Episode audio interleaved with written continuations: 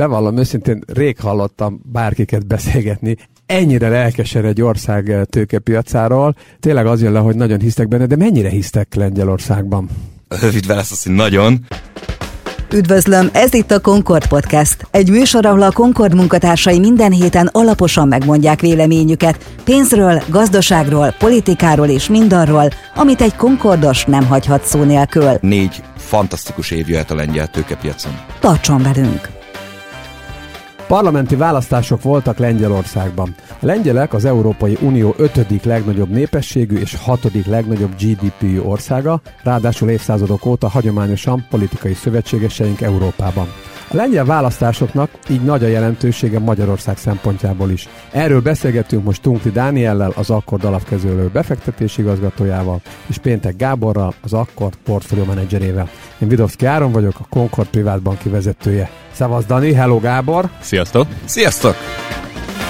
Az október 15-i választások után, ahol a korábbi ellenzék nyert, és ők alakíthatnak kormányt, a piac konkrétan beleszeretett Lengyelországba. Az Lotyi több mint 2%-ot erősödött, a lengyel index pedig volt 10%-os pluszban is három nap alatt. Na, de szerintem kezdjük az elején. Hogy nézett ki ez a választás? Igen, jól mondod, választottak a lengyelek, méghozzá három ügyben.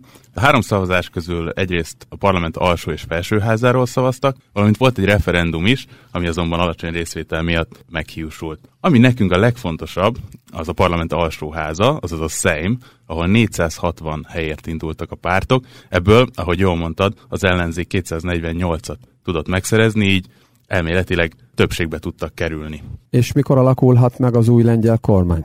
Itt ugye ezt a 248 helyet három párt szerezte meg, illetve három párti koalíció. Nekik kell majd összeállniuk, azonban ezelőtt még a jelenleg kormányon lévő PISZ-nek is lesz lehetősége megpróbálkozni ezzel. Így várhatóan december környékére alakulhat meg véglegesen a remélhetőleg ellenzéki kormány. Miért remélhetően ellenzéki kormány? Nem szeretünk és nem is fogunk soha ilyen politikai állásfoglalást kinyilatkozni. Számunkra azért fontos ez, mert ez az ellenzéki koalíció, aki úgy gondoljuk, hogy jönni fog, kormányra fog tudni lépni, az egy kifejezetten EU-párti koalíció, szembe a mostani kormányjal, aki sokkal inkább populista. Gazdasági szempontból, tőkepiaci szempontból az EU-s mostani ellenzéki koalíció sokkal jobb lesz számunkra a tőkepiac számára akkor nyilván ez a gyors tőkepiaci pozitív reakció is ennek szólt, de akkor azt jól érzékelem, ugye, hogy ezek a piaci szereplők nem erre számítottak százszerzalékosan, mert nagyon gyors volt a, az emelkedés. Nézd, nagyon fejfej mellett volt a két különböző oldalnak a népszerűsége, nagyon-nagyon kemény kampány volt a nyár folyamán, nagyon nehéz volt megmondani azt, hogy ki fog nyerni, ezért a piac se ezt Ez egy, ez egy ingyen opció volt igazándiból, mert nyilván ez a szenárió az, amit a piac számára kedvező, de senki nem merte elhinni. Azért nagyon sok olyan helyzetet láttunk, hogy ez nem következett be, most bekövetkezett, és nyilván ennek köszönhetően volt ez a nagy emelkedés. Igen, hát van 35 milliárd jó okuk arra, hogy ennek körüljenek. Ez összességében a várható RRF hitel és támogatás, amit fel tudnak majd venni, illetve amit így hamarabb folyosíthatnak majd a lengyelek számára. Ez a 35 milliárd euró hány százalék a lengyel GDP-nek? Ennek a kétharmada az, amit támogatásként kapnak meg, ami nagyjából bő 4 százaléka a GDP-jüknek. Szóval igazából összefoglalva ezt a részt, igazából ez most egy történelmi lehetősége van a lengyeleknek. Négy olyan év jöhet, ami fantasztikus lesz, ahol tényleg hátszélbe tudnak előre menni, és ahogyan Gábor is mondta, azért még valószínűleg az ellenzéki kormány megalakulása az, az még idő, tehát az biztosan állítható, hogy a következő két hónap az nagyon zajos lesz, tele lesz hírekkel a piac, mert nyilván a jelenlegi kormánypárt meg fogja próbálni, hogy valakit a saját oldalá átállítson a túloldalról. Mi úgy gondoljuk, hogy ez nem fog neki sikerülni, és emiatt igazándiból most zaj lesz, viszont utána négy fantasztikus év jöhet a lengyel tőkepiacon. És milyen a lengyel gazdaság általános állapota jelenleg? Hogy az elején is kiemelted, az Európai Unió hatodik legnagyobb GDP-ével rendelkeznek. Ez nem mindig volt így, tehát azért el kell mondani, hogy az elmúlt tíz évben az Európai Unió átlagának majdnem háromszorosával növekedtek. Az elmúlt tíz évben bő 60%-kal nőtt a GDP-jük, és érdekes, fontos megjegyezni, hogy itt beszéltük is, hogy azért ekközben a részvénypiacuk az gyakorlatilag egy helyben toporgott. Kis túlzással ugyanott vagyunk, mint tíz évvel ezelőtt. Említetted Gábor, hogy tíz éve igazából toporog a lengyel tőkepiac, a lengyel részvénypiac, ennek mi az oka? A lengyeleknél majdnem azt mondom, hogy egy, egyedülálló módon nagyon nagy az aránya az állami tulajdonnak a tőzsdén cégek között, és azt gondolom, hogy ez egyrészt menedzsment döntésekben is negatív hatásokat keltett, másrészt pedig alapvetően egy liberálisabb vagy egy baloldali EU-barátabb kormány a kisebbségi részvényesek számára is előnyösebb lépéseket hozhat. Jó példa erre a PKN, PKN Orlen, amit azért hallgatók is ismerhetnek. Itt gyakorlatilag az elmúlt pár hónapban piaci árak alatti benzinárakat tartottak Lengyelországban. Ki tudja miért, de jól jött a választások előtt nyilvánvalóan a kormánynak, de egyébként más állami cégeknél is egyszeri bónuszfizetések voltak, és egyéb olyan támogatások, amik, hát lássuk be, segíthették a kormánypártot. Igen, és most csak, hogy ezt szerintem befektetői szemmel, messziről nézve, Amerikából nézve, ez egy ilyen no-go, hogyha ilyeneket csinál egy cég. Nyilván az ember érti, hogyha egy, egy vállalat, állami vállalat, de hogy egy tőkepiaci vállalatnak nem szabad ilyeneket csinálnia, és úgy gondoljuk, hogy egyébként egy kicsit ebbe az EU-s irányba tolódással ezek meg fognak szűnni, vagy csökkenni fognak. És milyen okokat láttok még amellett, hogy nem ment a tőkepiacuk? Szerintem az, az is egy nagyon fontos dolog, hogy ugyebár nagyon közel vannak Ukrajnához, nagyon közel vannak a háborúhoz. Ez megint csak tényleg egy amerikai befektető, akkor, akkor kiveszi onnan az összes befektetését, leépíti, és ez egyébként látszik is a statisztikákból, hogy messzire nézve, globálisan nézve, inkább egyébként egy short volt ez a piac, mert ez volt az egyetlen egy olyan piac a régióban, ami elég likvid ahhoz, hogy egy, egy nagy amerikai alapkezelő hedge fund az, az, az bele tudjon állni, és ez nem azért volt, mert rosszak a lengyel cégek, nagyon jók a lengyel cégek, hanem azért, mert közel van a háború, és nyilván ezt a kockázatot így menedzselik a portfóliókba, és ez most egyébként egy hihetetlen lehetőség is, mert nagyon sok portfólió menedzser alulsulba van, és hogyha jönnek a fundamentumok, amit Gabi is mondott, hogy nagyon jó makró jöhet, megvan ez a katalizátor válasz, és akkor távon elkezdek fájni ezek az alulsúlyok, és inkább leépítések jönnek, vagyis benni fogják a piacot. A lengyel demográfiáról is érdemes beszélni egy picit. Úgy ugye azért az tudható, hogy az elmúlt 10-15 évben Lengyelországból nagyon sok, tehát két-három milliónyi ember is távozhatott akár nyugatra. Viszont a helyükre, hát sajnálatos háború miatt, azért első körben megérkezett három millió ukrán, akiből azért körülbelül másfél millió ukrán jelenleg is ott él és hát kérdés az, hogy ez hogyan hathat a lengyel gazdaságra. Meg egyébként majd később van még egy érdekes dolog, amire kíváncsi vagyok, de hogy nézzük meg először első körben ez hogy néz ki, hogy most ott, ott él azért életvitelszerűen másfél millió ukrán menekült, akik lehet, hogy ott is maradnak. Szerintem az nagyon fontos, hogy Lengyelország a háború kirobbanásának az első percétől kezdve Ukrajna mellé állt. A lengyelek tanultak a történelmükből, és tudják, hogy ez, ez egy milyen helyzet, és ezzel történelmi miatt tudnak azonosulni és tényleg minden támogatást megadtak. Az fontos azért mondani, hogy az utóbbi egy-két hónapban a kampány hevessége miatt ez csökkent, a, ugye itt a gabona miatt egymásnak ütközött a két ország, de ez szerintem átmeti dolog. A big picture az az, hogy a lengyelek az ukránok mellett állnak, támogatják őket, befogadták őket, olyan körülményeket teremtettek meg, hogy ott tudjanak dolgozni, ami azonos volt a lengyelekével, és nyilván a nyelvi nehézségek is sokkal enyhébbek, mint mondjuk velünk szemben. Úgyhogy szerintem ez, ez mindenféleképpen egy, egy nagyon követendő magatartás volt, és nagyon fontos az is, hogy egyébként a hadipart is pörgetik, adták a gépeket, és ez egyébként a gazdaságot élénkíti. Tehát, hogy van egy ilyen, a, ami mindig Gáborral szoktunk vitatkozni, hogy a, amikor kirobban egy háború, akkor egyébként a hadipar pörgetése a GDP-t az multiplikatív hatással pörget az első 5-6 évben. Aztán utána ez enyhül, mert, mert nyilván az embereket mondjuk besorozzák, mi ilyesmi, ilyen meg voltak a múltban. Most nem ez a helyzet, mert hogy ugyebár nem Lengyelországban van a háború, tehát én úgy gondolom, hogy tovább tudja pörgetni jobban a gazdaságot, a, a németet is egyébként, meg a lengyelt is,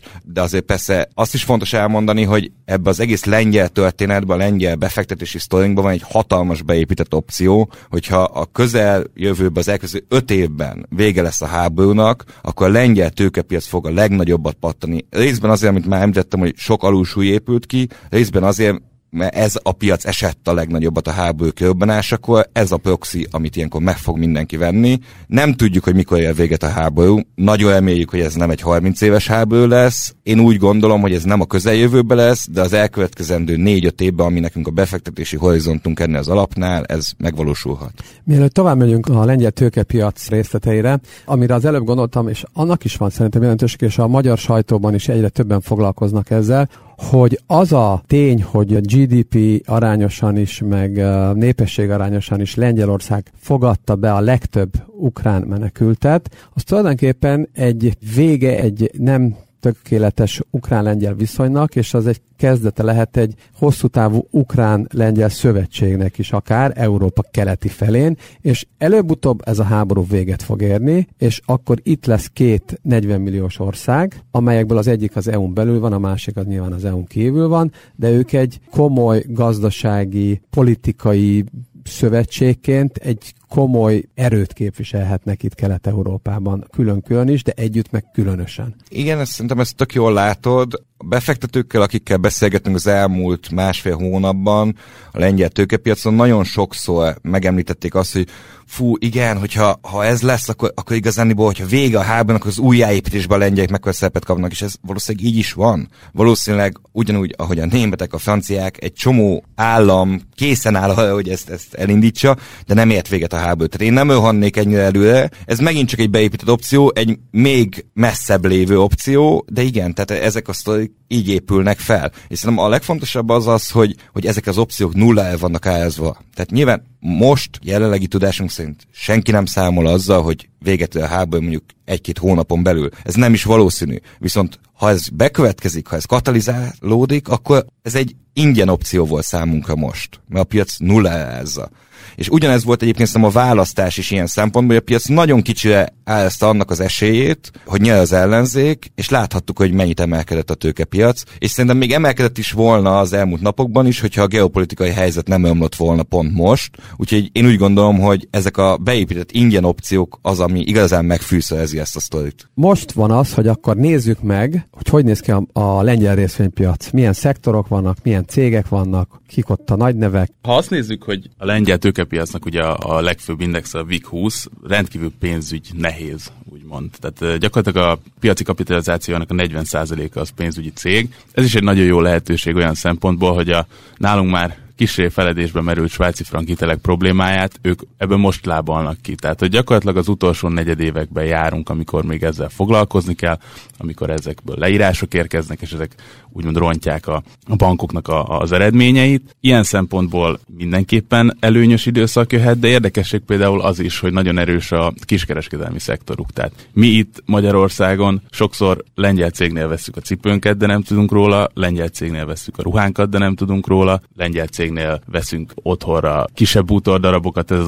ilyen-olyan kiegészítőket, tehát hogy a lengyel gazdaságnak, illetve ezeknek a lengyel cégeknek gyakorlatilag egész Európára kezd kiterjedni a, a hálózata, és ilyen szempontból azt gondolom, hogy nagyon nagy növekedési lehetőség is van ezekben. Igen, és egyébként szerintem tényleg az is fontos, hogy ahogyan a Gabi is mondta, nagyon sok ilyen cég van, és ezek offline, meg online is. Tehát, hogyha átmegyünk ide szomszédba, a Monparkba, akkor három-négy ilyen boltot is látunk, de egyébként meg telefonról, gépről, online is meg tudod venni, ami nyilván egyébként a Covid hozta, hogy ez, ez a szektor, vagy ez a, ez a szegmens is ilyen szinten nőtt, de ezek globális márkák, és ez ad egy diversifikációs lehetőséget az indexen belül is, mert ezek régebben nem voltak. Hát az előbb részben említettétek, illetve Gábor, te már mondtad, de lengyel benzinkúton is tankolhatunk, mert az Orlen, az ugye a PKN Orlennek a magyar leányvállalata. Igen, igen, igen, kimaradt a felsorolásból a legnagyobb lengyel index tag, a PKN Orlen, most már hivatalosan csak Orlen, ami egyébként a korábbi három legnagyobb lengyel energiacégnek a konszolidációjából jött létre beolvasztották oda a korábban Lotosnak és PG Energy-nak nevezett lengyel energiacélket, és hát ezzel egy óriási, tehát a lengyel gazdaság méreteihez képest még arányosan gyakorlatilag nagyobb energiacég jött létre, mint itt van például a MOL. Igen, most nem emlékszem a pontos számra, de hogy a, úgy emlékszem, hogy pár hónapja, amikor néztünk, akkor háromszor akkor a market cap lett így, mint a molnak. És ez egyébként látszik a, a lengyel tőkepiacon, hogy ugye, ahogyan Gábor is mondta, hogy nagyjából az indexen belül 50% azoknak a vállalatoknak a elnyem, amit az állam kontrollál, és az állam elkezdte ezeket összevonni. Tehát elkezdtek a egy ilyen mérethatékonyság elvén működni, nyilván szinergiák is egy csomó lenne, rengeteg ember dolgozik, és ezeket a szinergiákat nem lehetett megvalósítani a választás előtt, mert nem bocsáthatsz el embereket választási kampányban, de én úgy gondolom, hogy ezek folytatódni fognak, mint mondjuk a közműszektorban is, de akár a bankszektorban is, és ott lesznek olyan szinergiák, olyan hatékonyságnövelések, amivel egyébként részvényesi értéket fognak tudni teremteni, ha jó menedzsment kezében lesznek a vállalatok. Azt hiszem, hogy öt bank van talán az indexben, de mi a két legnagyobb? Igen, öt bank van a VIG 20 indexben, de egyébként van még mondjuk négy tőzsdéjegyzett bankjuk Lengyelországban, úgyhogy igen, eléggé mondhatjuk, hogy nagy mennyiségű bankkal rendelkeznek. A legnagyobbak egyébként a PKO és a PKO, ezekben egyaránt van szintén, ahogy említettük, állami tulajdon. Bocs, igen, kérem megjegyezni, hogy igazából azt hozzá kell szokni, hogy ezek a cégek mind P betűvel kezdődnek Póland miatt, és nyilván mivel állami cégek voltak, ezt nem is tudtak elhagyni belőle, tehát PKM, PKO, PKO, na mindegy, mondja. Igen, tehát hogy vannak, vannak nagy állami bankok is, de érdekes, hogy egyébként náluk elég nagy arányban vannak nyugati nagybankoknak leánybankjai. Tehát, hogy van a Santandernek, ING-nek, BNP-nek, City-nek, Commerzbanknak, tehát, hogy világszinten is azt gondolom, hogy meghatározó bankoknak vannak itt leányvállalatai, ami, ahogy a Dani is említette, lehetőséget ad arra is, hogy, hogy itt egy, egy konszolidáció akár végbe mehet. Szerintem azt is nagyon érdekes megnézni, hogy ugye Gábor mondta a VIG 20 az a Big Cap Index, van egyébként Small Cap, Mid Cap Index is, és tökre jól kijön egyébként, amit a közgázon tanul az ember, hogy vannak olyan időszakok, amikor ezek a Small Cap cégek felül teljesítenek. És tök jól teljesítettek idén egyébként nagy bankok, de a kisebb bankok egyébként, amik nagyobb béta, nagyobb kockázat, azok még jobban teljesítettek. Tehát a, a Midvig, ami a Small Cap, Mid Cap cégeket tartalmazza, az messze lekörözte a VIG 20 és az azt követő ETF-eket is. Milyen szektor van még? Az elmúlt hónapoknak érdekes sztoria volt a közműcégek átalakítása. Itt a lengyelekről tudni kell, hogy nagyon magas a szénalapú energiatermelés aránya, akár európai, de, de egyébként világszinten is. És ez a lengyel kormánynak egy terve volt, hogy egy ilyen zöld transformációt végrehajtson, tehát gyakorlatilag ezekből a közműcégekből úgymond kivásárolta ezeket a szenes, koszos eszközöket, amit egyébként majd egy külön entitásba el fog rakni, és ami pénzt úgymond ezért kapnak a, a közműcégek, az pedig zöld, megújuló energia, nagy részt zöld és megújuló energia termelésre kell költeniük, mert nyilván egyébként fognak gáz és, és egyéb erőműket is létrehozni, de egyébként ez is egy része annak a energiamix diversifikálásnak és egyébként energia függetlenségi törekvésnek, amit egyébként a lengyelek már a, a tavalyi gázások és energiaválság előtt sok évvel elkezdtek, és ennek köszönhetően egyébként Európa egyik legfüggetlenebb energia mixével rendelkeznek. És mi a helyzet a CD projekttel, azzal a játékgyártó céggel, ami volt olyan időpillanat, hogy az egész lengyel index legértékesebb társasága volt, ami egészen hihetetlen volt akkor. Nem tudom hány éve volt, három kb.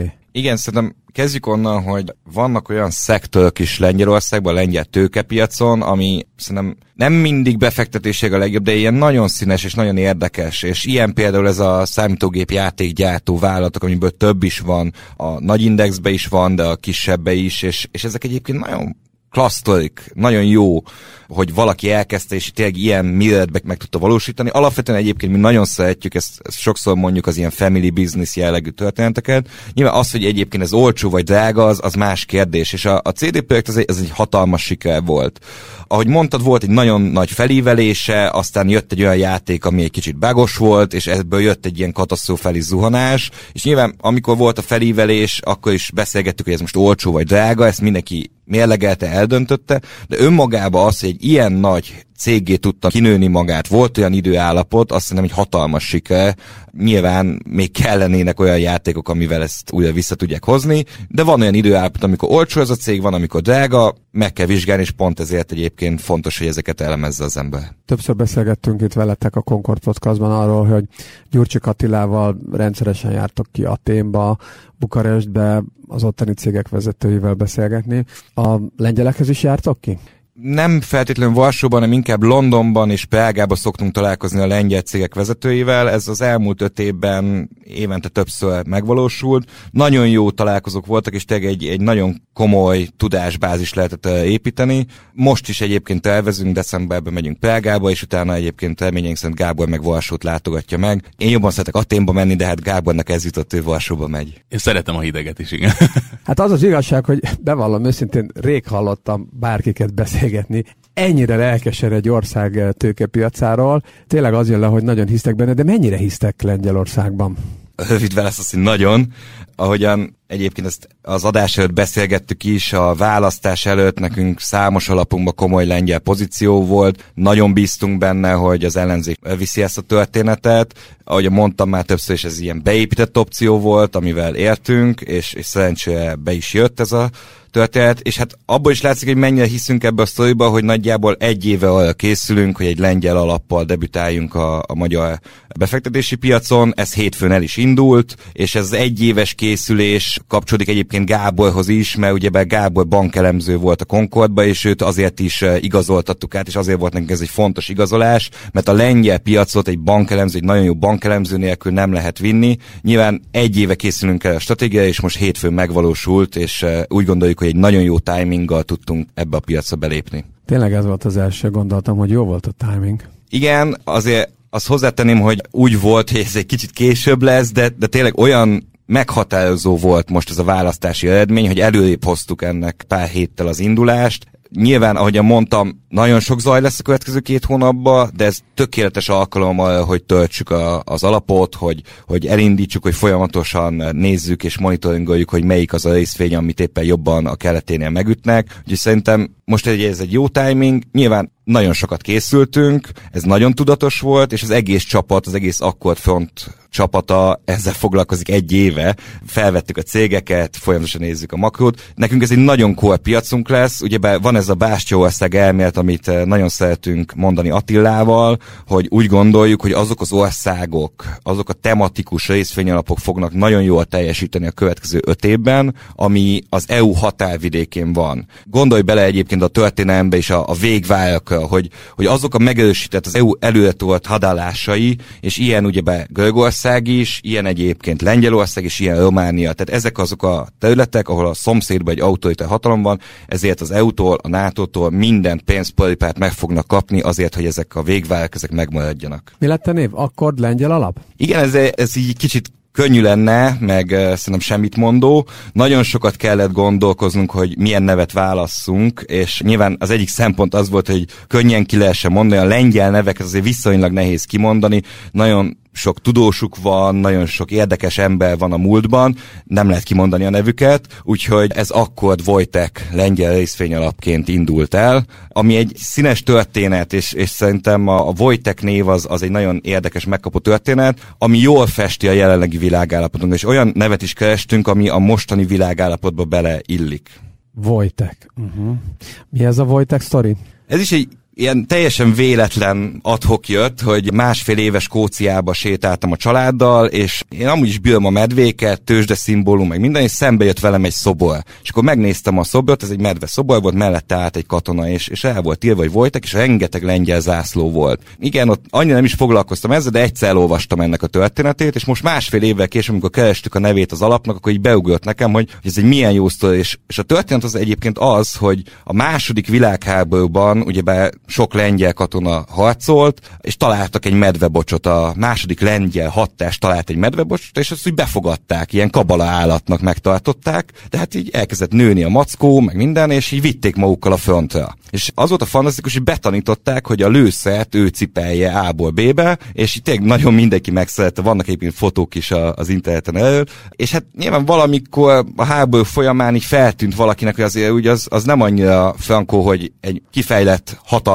medve ott mászkál a katonák között, de már mit lehetett tenni igazániból túl nagy volt Vojtek népszerűség a lengyelek között, meg más katonák között is, úgyhogy állományba vették, úgyhogy közlegényként szolgált, és végigharcolta egyébként a, a háború végét, tehát Monte Cassinótól kezdve ott volt mindenhol, és miután egyébként vége lett a háborúnak, utána Skóciába emigrált, ezért van ott a Skóciába ez a szobra is. Nagyon sok lengyel katona egyébként Edinburghba telepedett le, Edinburghba emigrált utána, a háború után, és Vojtek is az Edinburghi állatkertnek lett a tagja.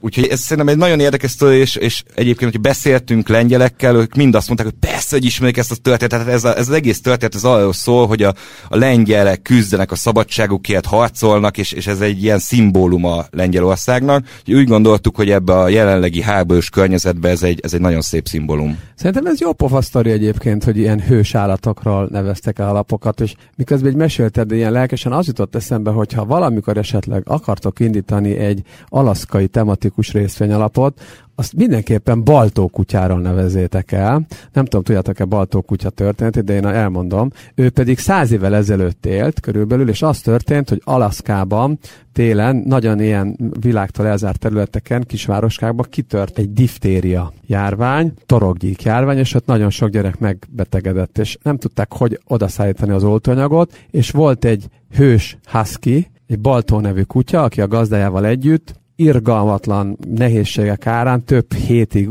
ott baktattak a mínusz 30 fokokba, neki sikerült eljuttatni ezekre a helyekre ezt az oltóanyagot. És utána ő is egyébként ugyanilyen híres lett, mint Lengyelországban voltak, és neki is van, Baltó kutyának is van szobra, a New Yorki Central Parkban. Ezt már én megvettem ezt a sztorit is. Na, most az jutott még eszembe, és nem csak nekem, ez szerintem azért nagyon sok befektetőnek eszébe szokott jutni, mikor egy alapkező ilyen tematikus alapot indít, mint amilyen ugye nektek van a román, a görög, meg hát most a Vojtek lengyel is, akkor azért fölmerül az a kérdés, hogy ezekre az országokra vannak ETF-ek is, és hogy szerinted mennyivel vagytok ti jobbak, vagy miért tudtok ti többet, mint egy ETF? Szerintem a, a román, meg a görög történet is jól mutatja, hogy azért nagyon komoly hozzáadott értéket lehet teremteni ezeken a piacokon. Tehát ez, ezek egyébként, ezek a piacok nem annyira likvidek nyilván, mint egy amerikai vagy egy német, nem annyira coverolt elemzések által, tehát hogy tényleg a személyes találkozónak az, hogy ismer a céget, hogy ismer a menedzsmentet, annak, annak sokkal nagyobb hozzáadott értéke van.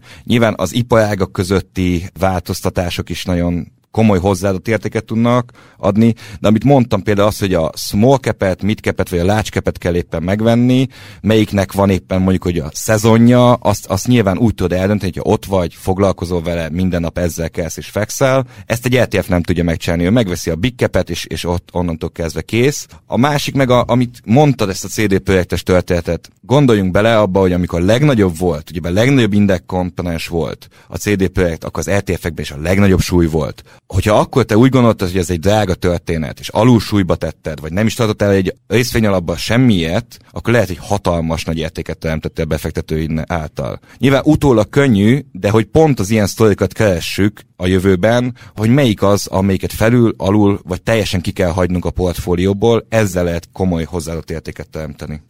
És ha tetszett ez a podcast, akkor kérlek iratkozz fel Concord csoport nevű YouTube, Spotify vagy Apple podcast csatornánkra, írásainkat pedig olvassátok a concordblog.hu.